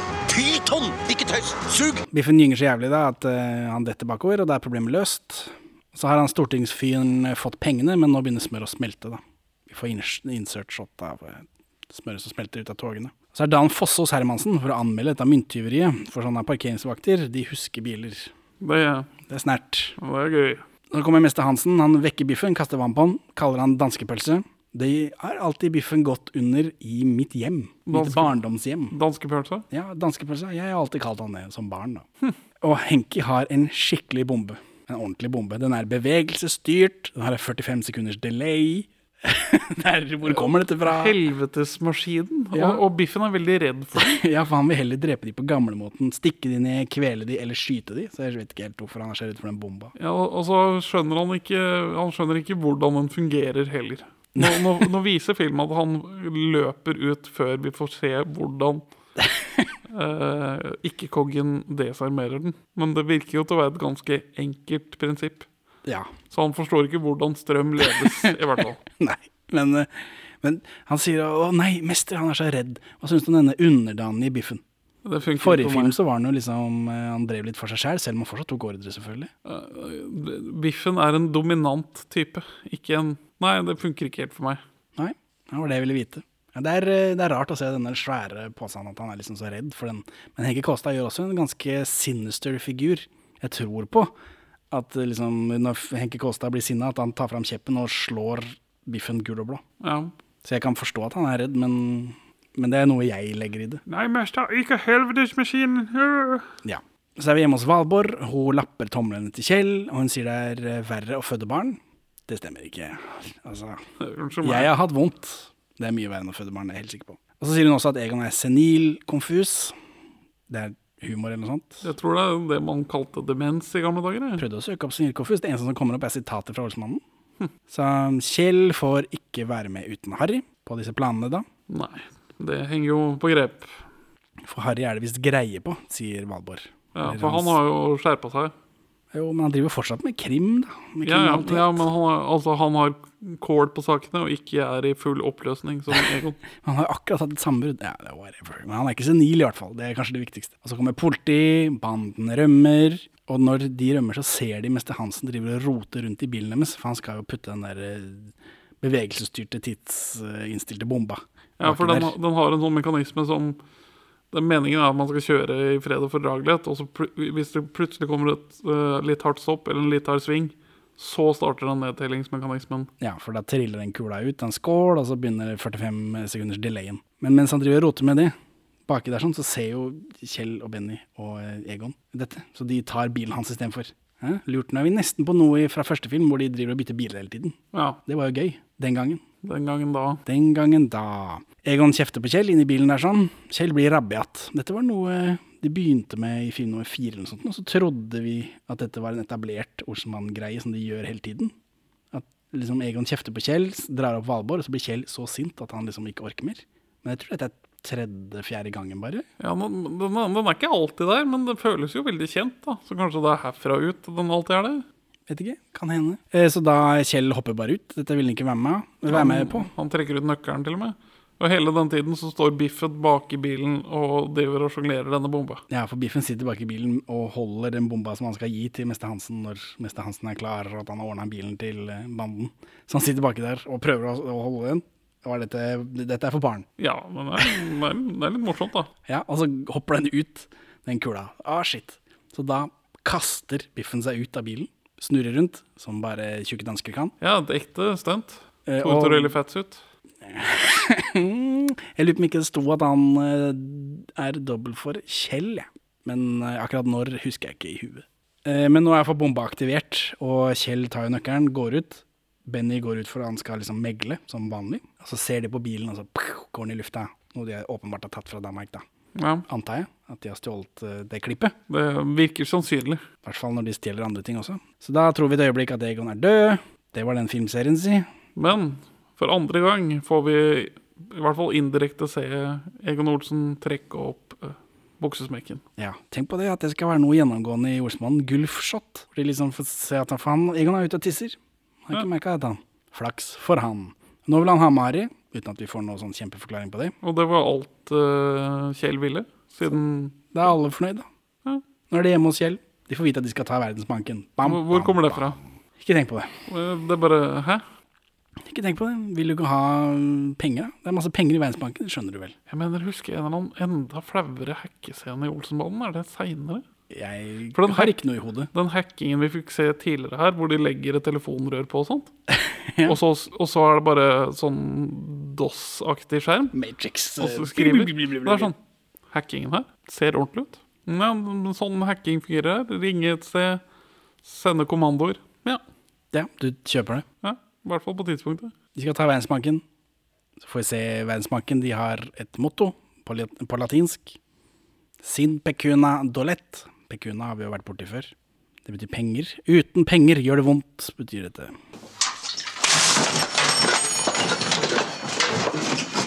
Verdensbanken er fancy. Det er umulig å bryte seg inn, men det er ikke så vanskelig å bryte seg ut. Men de klarer jo å bryte seg inn. Ja, så ja ja, jeg skjønner hva de vil si. Og, og hvem er denne milisjaen? Ja, for altså, Verdensbanken har jo sitt eget eh, vaktlag og sånt, men det tar man bare for gitt. Du har jo sett et fryselager med eget vaktlag. ja, ja. Eh, Det er, det er det minste begrunnet, da. Eh, Men dette, denne verdensbanken er både atombombesikker og sikret mot terror. Ja, for det er to forskjellige ting. Ja, ja, men jeg bare peker på at terror er i vinden. Ref. Operasjon Kobra. Ja. Eh, Men det er da sonetallet som eh, er til den døra de skal bruke til å komme ut, med en sånn nødutgang til bygget ved siden av. Det ble borte i den eksplosjonen i bilen. Så da trenger de Harry for å åpne nødutgangen på utsiden. Så det var derfor Egon plutselig liksom Ja ja, vi får ta Harry, da. Nå sånt sonetallet gikk i lufta. Ja. Eh, og så er disse bilene Det kommer masse Nå er vi utafor Verdensbanken. Masse biler kjører inn. Heiser. Røde heiser. Røde Hiaser. eh, og de har Baki der sånn så har de bare bunker med penger strødd rundt. Og så ligger det en fyr oppi der med gunner. Og så er det en sånn eh, dørvakt da som sier liksom Ja, få se. Her er det penger, ja. Ja, hva vil du se på? Her sitter jeg. Og alle vaktene slenger alltid dritt om de andre vaktene når de andre vaktene ikke er til stede. Ja, det er sikkert riktig, tror du ikke det? Tror ikke det er sånn det er. Det er litt sånn dårlig arbeidsmiljø, bare. Så når det er kjørt en bil ut, så pælmer Osmannen en bunke med sedler ut på gata så for å distrahere han vaktmannen, for nå må han liksom gå bort og levere den. Så viser det seg senere at det bare er avispapir. Men det er ingen av de som tar notis av det, at oi shit, nå er det noe på gang. Hvordan vet Egon at de frakter pengene løst på den måten der? Jo, Han har jo stalka dette stedet, han kan jo ting. Ja, Han har jo gjort eh, forberedelsene sine, det må du bare anta at ja, ja Olsen det, har. det er greit. det er greit.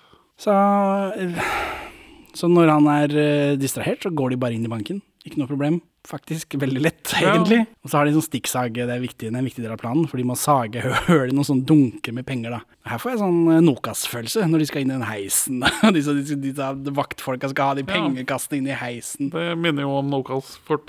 Ja, Gisla kjekt å være på kino i går, som Bridget Jones. Men dette er danske greier. Det regner jeg med du skjønner. Ja, for det, det, Overalt her hvor ikke du kan se trynet til Olsmannen, så er det dansk. Det er for, er tatt fra Danmark. ja, for det, det er litt for høy kvalitet på gjennomføringen. Ja. Og de kassene ser morsomme ut og gjennomtenkte i ja, de beveger seg når de snakker på sånn eh, tegnefilmaktig måte. Den, eh, og de kjører i disse kassene er nummererte. 7, 9, 13. Det er noe danske greier. Det er noe danskene sier når de er overmodige. Det er litt som bank i bordet. 713. Halvfjes, dinkelbank, ja, rumpeldunk. noe sånt. Eh, Og den tallrekka dukker opp i neste film også, så vi får se, da. Så, men dette er alt dette er tatt fra Danmark, og alt er dubba til norsk. Og her, når de går inn i heisen Jeg hører Knut Bovim. Nå er det ikke plass til flere. Nå, så får vi la den være, da. Så disse dunkene går inn i heisen, men Kjell kommer ikke inn. Den dunken hans blir ikke med. Og så er vi nede sammen med disse vaktene, og sånt, og her er han der tjukke danske Han skraphandleren. Mads Madsen med Ja. det, med den stygge føflekken under øyet. Han er her. Dubba til norsk. Og det er bedre dubbejobb enn på det klippet av han finansmannen som nå er stortingskar. Men han er en ganske dårlig skuespiller i det hele tatt. Ja, Det er han også, men han ser jo også rett inn i kamera og prater. Ja. Han er liksom mye mer Og han har bare dialog. Dette er jo en gjøre-ting-rolle. Ja. Men eh, så eh, Kjell må komme seg Han kommer seg inn i heisen alene, bare. Jeg skjønte ikke hva er, hva er humoren her. Men, Hvorfor gjør de dette på denne måten? nei, ikke. han, han rendezvouser jo bare rett etterpå. Det er bare for at filmen blir litt lenger. Ja, Det har ikke noe med noe å gjøre. spennende, da. Så får vi se hånda til Kjell komme ut av den esken, trykke på heisknappen, og det er den tjukke, ekle hånda til tjukke danske Kjell. Det er jeg helt sikker på. Jeg kjenner den kordfløyelsjakka hans. Ja, Pål Bundgaard. Her er det altså, ja, Paul Bungar i min norske Olsmann-film blir kvalm. Æsj. Banden blir da låst inne i hvelvet som planlagt. Alt er bra, og da feirer de med øl. Jeg forbinder med øl. Selvfølgelig. Og så har de walkietalkie, da, for Harry er på utsida.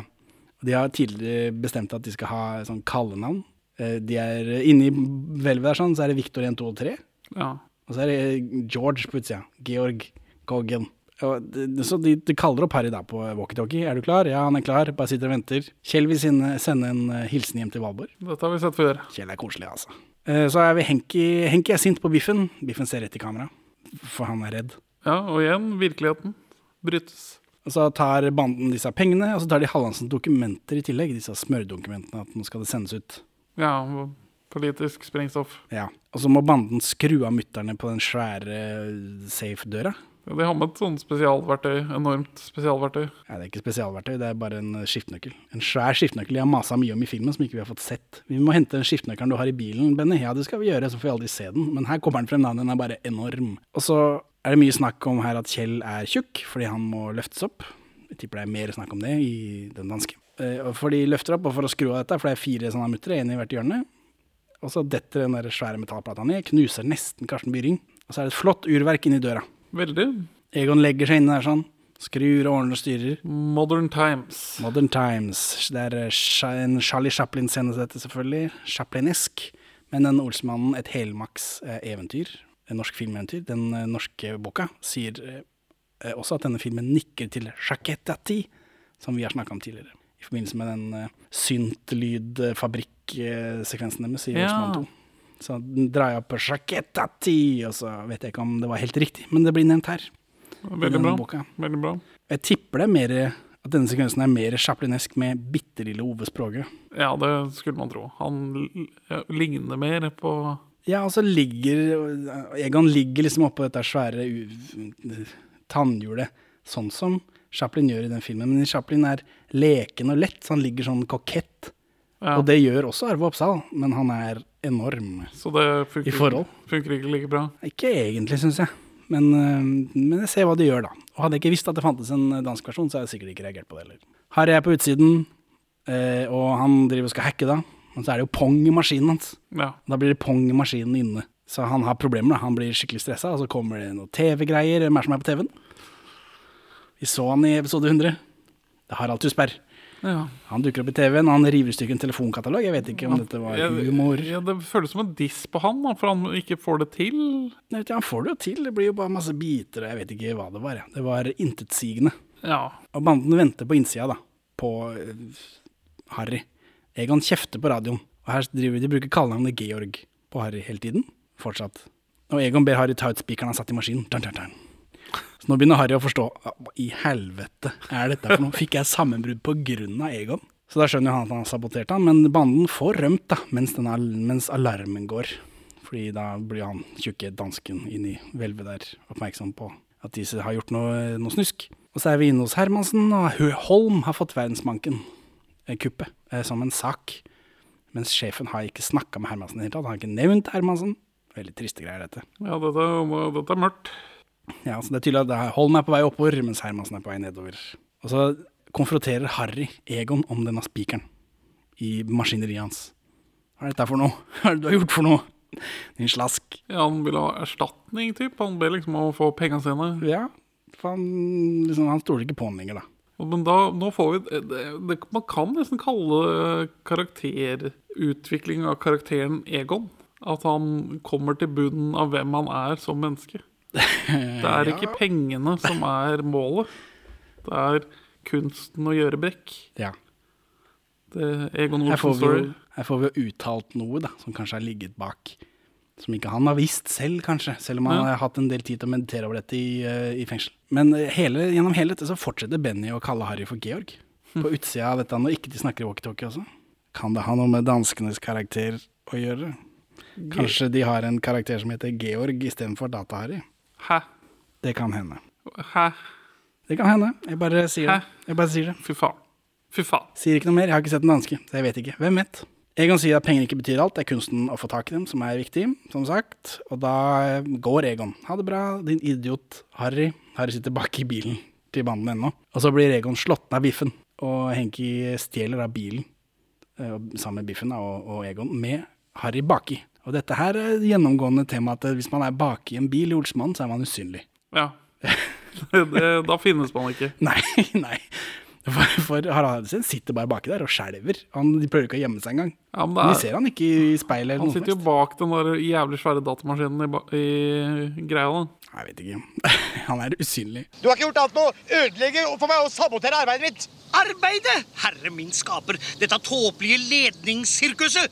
Blir det noen små problemer, så er det legevakta og nervesammenbrudd. Ikke noe idealisme. Jeg vil ha penga mine! Penger, penger, det er det eneste du snakker om. Jeg vil ha penga mine! Og så vil jeg bort herfra! Vær så god. Ta det du har lyst på. Penger betyr ikke alt her i verden. Men kunsten, kunsten å få tak i dem. Og så Benny og Kjell hopper da inn i øvelseskjørebilen til Valborg sammen med Arne Aas. Han er jo også der. Ja, for hun er nå ferdig opplært. Mangler liksom bare førerprøven. Jeg vet ikke. Ja, for han virker Det er litt sånn avsluttende greie. Ja, ja. Og så er det lenge siden vi har hatt en så god bilscene som det vi får nå. Ja, nå, dette, dette hevet humøret mitt. ja, nå ble du glad. Nå ble jeg, nå ble jeg glad. For her er går det unna. Dette ser oppriktig farlig ut. Og, og hvis du følger godt med på politibilene i den filmen her, så er det kjører politiet annet i en Volvo 244 L. Og L er da Det er da de første modellene fra 240-serien. Det er introduksjonsmodellene. da. Så det er veldig mye pene Volvoer i bakgrunnen på den filmen der. Flunkende nye 240-er. Men, men ja, en ordentlig bilscene. Ja, det er lenge siden. Ekte, ekte bilscene. Ja. Dette, dette, dette, ja, dette er bra. Ja, det var det. Og så får vi en regissør-cameo. Ja, han kjører den bilen med masse dritt på taket. Jævla kapitalister. Ja, Arne Aas, kjørelæreren, blir ivrig da, når uh, Valborg kjører som en gærning. Ja, han blir glad av det. Han får blod i bamsen av dette. Blod i bamsen. Blod i bamsen, ja. Han, får, han blir litt sånn hard av det. Og nå er vi inne på Bamsen er penis? Ja, Ja. Hva trodde du det var? Nei, jeg vet ikke. Inne på eh, eh, nå er, Og så kjører de rundt, og så kom, ender de opp inne på en fabrikk. Og her er det en sånn vaktfyr som prøver å ringe politiet da, for å melde fyllekjøring. Så sier han nei, det gjelder ikke en slem nabo. Hva i alle dager er det for noe? Det må være en referanse til noe i tiden. Uh, Hallo, jeg vil anmelde fyllekjøring. Nei, det gjelder ikke en slem nabo. Det er vel kanskje noe sånn doxing på 70-tallet, hvis du var i nabokrangel og ser naboen din komme hjem fra fest, så ringer du til politiet og sier ja, jeg vil anmelde fyllekjøring. Jeg- Men nei, jeg, Jeg aner ikke. Det var en rar replikk. Jeg vet ikke hva det refererer En Send melding på Twitter hvis du skjønner denne referansen. Gjerne det. Og her får Biffen klipt bilen sin i to og en port. Fordi han, Mester Hansen skal liksom ta Egon Olsen, men så Eller skal ta Valborg. Men så stopper Valborg inni der sånn, og så kjører Biffen forbi, så videre. Jeg skjønner ikke helt hvorfor Biffen kjører rundt, rundt igjen. Det er for at bilen hans skal bli klippet i to. Ja, det Ikke, skjønner jeg. ikke tenk på det. Nei. Ikke tenk på det. Eh, Dette er selvfølgelig et klipp fra Danmark, da. Ja, Hvorfor klippe en eh, bil i to eh, flere ganger? kjø, altså, Egon faller ut. Ja, for han, Egon ligger i baksetet, mens Harry sitter i bagasjerommet. Så når den bilen blir klippet i to, så detter Egon ut av baksetet. For, han, for den har forhjulstrekk, så den kjører fortsatt. Kjempegøy å se på, for så vidt. ja, så han triller ut av baksetet. Eh, Ove Språgøs stuntman, antar jeg. Eh, og, og så spinner den der bilen rundt av gårde, og så kjører den inn i en, en sånn formannsbu. Som står 'formand' på, på dansk. Lurer på hvorfor det. Og så er det masse tønner som faller ned, og så er det en pipe, svær sånn pipe som faller. Som de har fått filma i Danmark, da. Flotte greier. Flotte greier. Og så på andre sida av den porten så sitter Harry igjen i den andre halve som støpt inn i porten. Ja, Morsomt. veldig gøy.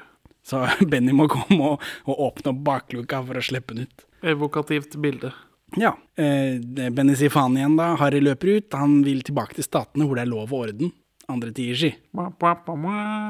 Og så kommer politiet, og Egon løper av gårde, men hatten hans blir liggende igjen. Hans øh, hovedsignalement.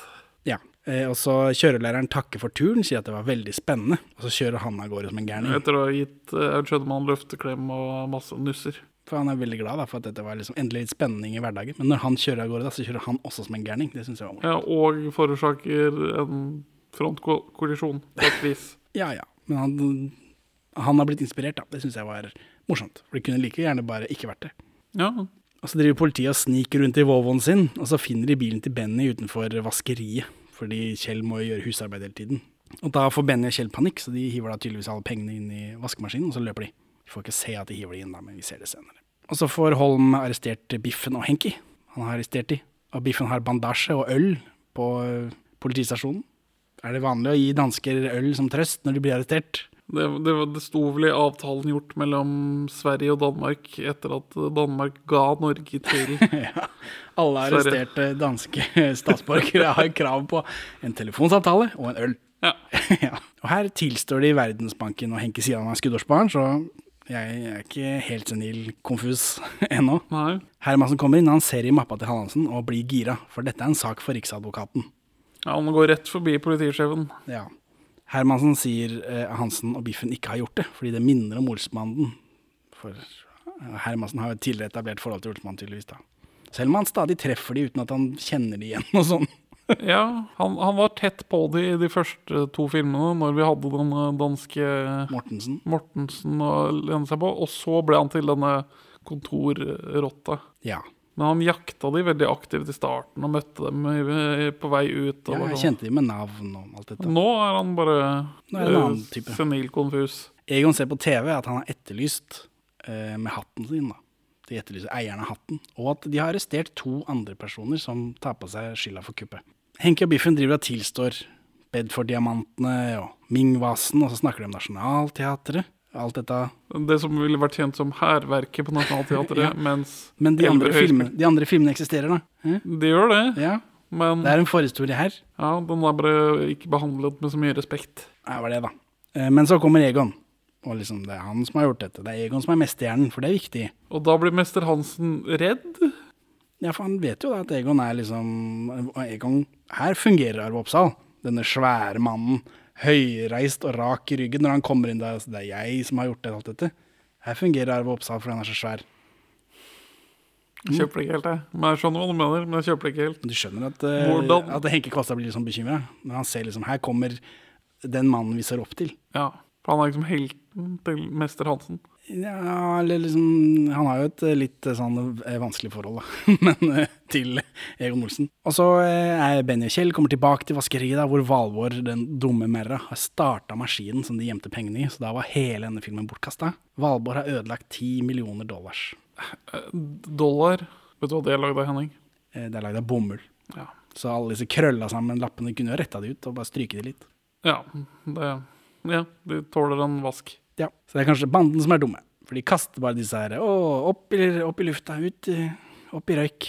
Ja, og Olsenmannen gjør jo sitt eh, for å bekjempe inflasjonen. Da. Det har jo tatt en del penger ut av sirkulasjonen opp igjennom. Det er sant. Holm pakker kontoret. Egon har tilstått alle saker noensinne. Og Holm har fått eget kontor. Han har blitt forflyttet. Nærmere sjefen. Og mens Hermansen har også blitt forflyttet til stallen. Ja. Men uh, Hermansen råder Holm da, til å holde seg unna politikk, for det er tydeligvis der han dreit seg ut. da. Ja, ved å prøve å ta i det politiske sprengstoffet og gjøre noe med det. Så han, mens han råder han til å holde seg unna politikk, så får vi shot av smør som lekker ut av togvognene med gul skrift over. Ja. Likte du det gul skrift-greiene?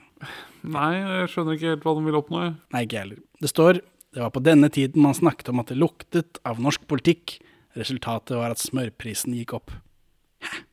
Hva er det? Det var vel, vi hadde jo smørkrise bare for et par år siden. Det var vel noe lignende på 70-tallet? Det er brått 10-15 år siden, det er jeg sikker på. Tida går så fort. Ja, det er sant.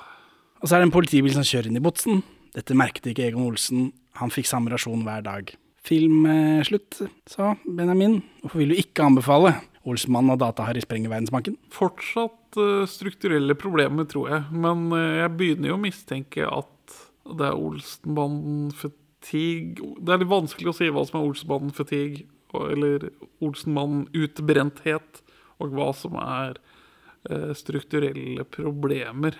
Men den her ja, nei, den mangler et driv. Den fungerer ikke som en helhetlig film. Og når da dette skillelinjen mellom virkelighet og universet bryter sammen, så nei, jeg, jeg blir irritert. Så Henning, hvorfor vil du anbefale denne filmen? For dette henger sammen. Jeg likte det. Jeg fikk den godfølelsen, Olsmann-følelsen. Den dingler ikke rundt, som den forrige norske. Det er masse Det er- rundt dingling her. Unnskyld meg.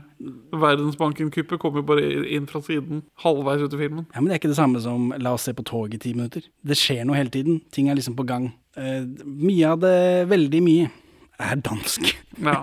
Men danskene, som vi vet, er gode. ja, det er sant. Det burde jo komme mer dansk inn i våre norske Olsmann-filmer. Ja. Jeg merka ikke det som barn. Hadde ikke peiling. Nei. Så, men jeg antar nå at Harry fortsetter å være Data-Harry og aldri kommer tilbake fra Statene. Han er med i den siste. Han er med i mange flere. Ja. Han slutter å være Data-Harry med en gang. Det var bare for den filmen her. Ikke tenk på det. Så skal vi ranke. Data-Harry, du jeg regner med du har rankinga i huet. Jeg kan lese det opp for deg. Det begynner å gi lite mening når jeg leser det høyt. Jo, og så er det, det er en lytter på Facebook som påpeker at vi mellom tre og fire, altså film tre og fire, har byttet plass på Olsmannen og Dynamitt-Harry og Olsmannen Operasjon Egon. Ja. Og det sier jo litt at vi ikke har lagt merke til det. Men eh, jeg antar det er bare jeg som har notert feil. Men vil du snu de tilbake? Nå skal jeg, du får ha det i minne, da. Nå, som jeg, nå skal jeg lese opp hele rekka. Du kan få se på det her, så blir det lettere for deg. Åh, jeg får vondt i hodet allerede. Du påpekte forresten at Olsmannen Operasjon Egon var tightere enn Dynamitt-Harry. Bare så det er sagt. På førsteplass er Olsmannen for full musikk. Sprenge seg gjennom Nationaltheatret. Det var en klassiker. Eh, Andreplass Olsmannens siste bedrifter, hvor Egon blir senka i bøtte. Film nummer seks. Og så er det på tredjeplass er det Olsemann og Dynamitt-Harry går amok. Det er ute av fryselageret. Ja, Det er film nummer fire. Høres bra ut inntil videre. Og så er det Olsemann og Dynamitt-Harry på sporet. Den med toget. Den Ja, vi så sist. Ja, Ikke noen stor entusiasme fra meg, men du fikk den inn dit. Det er greit. Ja, men eh, det er bare rett over midten. Det er ikke noe sånn kjempe, kjempefilm. Og så er det Olsmann og Dynamitt-Harry, som vi da kanskje har forbytta. Den med Kari Simonsen. Ja, hvor han skal bli snill, og han er alkoholiker. Ja. Ja. Og så er det Olsmann tar gull. Den med bunkerne på Sørlandet. Og så er det Olsmannen møter kongen og knekten på nest nederste plass. Og så er det Olsmannen på helt nederste plass. Pupper og horer. Altså, vi har bytta plass på På nederste plass og femteplass. Ja, ja nei, jeg vil eh, jeg, jeg, Som du påpeker, den, origin, originelle Olsenmann-filmen er tightere. Og selv om den ikke er, har helt, følger alle formkravene for å være en dårlig Olsenmann-film, så syns jeg den, den, den kan godt komme seg, til seg i rekka over Olsenmann og Dynamitt-Harry. Det er Ja. greit for meg. Så da blir Olsenmann og Dynamitt-Harry nederst igjen, da. Ja, ja for den Jeg har tenkt, det- jeg har tenkt med stille sinn at vi må, når vi er ferdig med alle 14, så må vi eh, ha en revidert liste. Ja, For eh, vi må ha en rankathon. hvem vet hva det er vi egentlig driver og ranker. Nå ranker vi på følelser, ikke sant? Altså Når vi har fått det litt på avstand, da må vi ranke på iskalde sinn. For mens Operasjon Egon er feil på mange måter, så er det Den har den derre biljakten med masse biler. Det er det eneste liksom Den er jo god. Mens hva har Olsmann og Dynamitt-Harry, da? Er ikke Ivar Medås med i den første? Jo. Ja, altså, Hva er det den ikke har, spør jeg deg. Ja, nei, det var det. Da bytter vi den. Da skal jeg bytte den.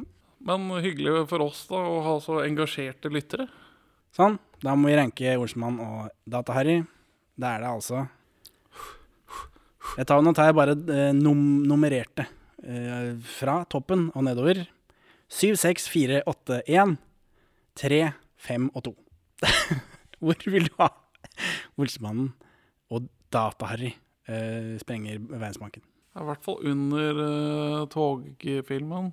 Du vil ha denne her under togfilmen? Ja. Togfilmen er jo eh, slapp og kjedelig. Denne her er eh, mest dansk, så den er ganske teit. Spør du meg, da. ja, nei, jeg Jeg kjeda meg ikke så mye i denne som jeg gjorde i, på, på, sporet. Ikke like mye, men den har fortsatt et sånn drivproblem. Altså, kan du Hva, hva er spenningskurven i den her? Og nå gjør vi en greie. Og, altså, det, Men jeg sier ikke at, det skal være, at den skal ligge på toppen. Nei, Det sier jeg ikke. nei, Jeg bare sier at på sporet syns jeg var slapp og kjedelig. Ja, kanskje under pupper og horer, da. Altså Under én. Ja. Ja. Uh, ja, da får vi klemme inn den på sjetteplass. Ha det bra da, Benjamin. Farvel, Henning. Takk for at du hører på Perler for svin. Du finner oss først og fremst på perleforsvin.no, men også på Twitter under perler-for-svin, Facebook som perleforsvinpod, eller du kan maile oss på perleforsvinpod at gmail.com. Gi oss gjerne en eh, rating i din lokale podcast-avspiller, og, og legg igjen en beskrivelse, så folk skjønner hva det er for noe tull vi egentlig driver med. Her er ukas Pål Bang-Hansen-sitat ute av kontekst. Det skal gå ille med menn sånn mot slutten av året 1981. Du har aldri før kjent duften av små tusenlapper virvlende i luften. Men nå har du det du trenger her, for nå er du millionær.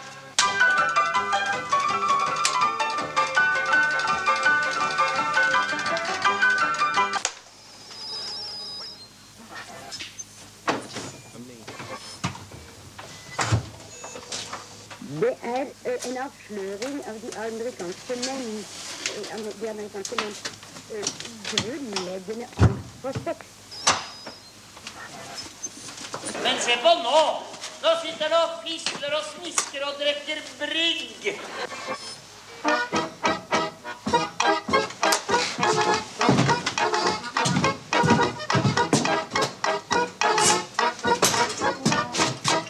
Vet du hva som går opp i sømmene? Det er du som går opp i sømmene. Det kan være. Ja, Og så altså. skal jeg klippe ut den siste fringe-referansen. Fringe, fringe, fringe, fringe. Klipp ut den, Henning. Det klarer du ikke.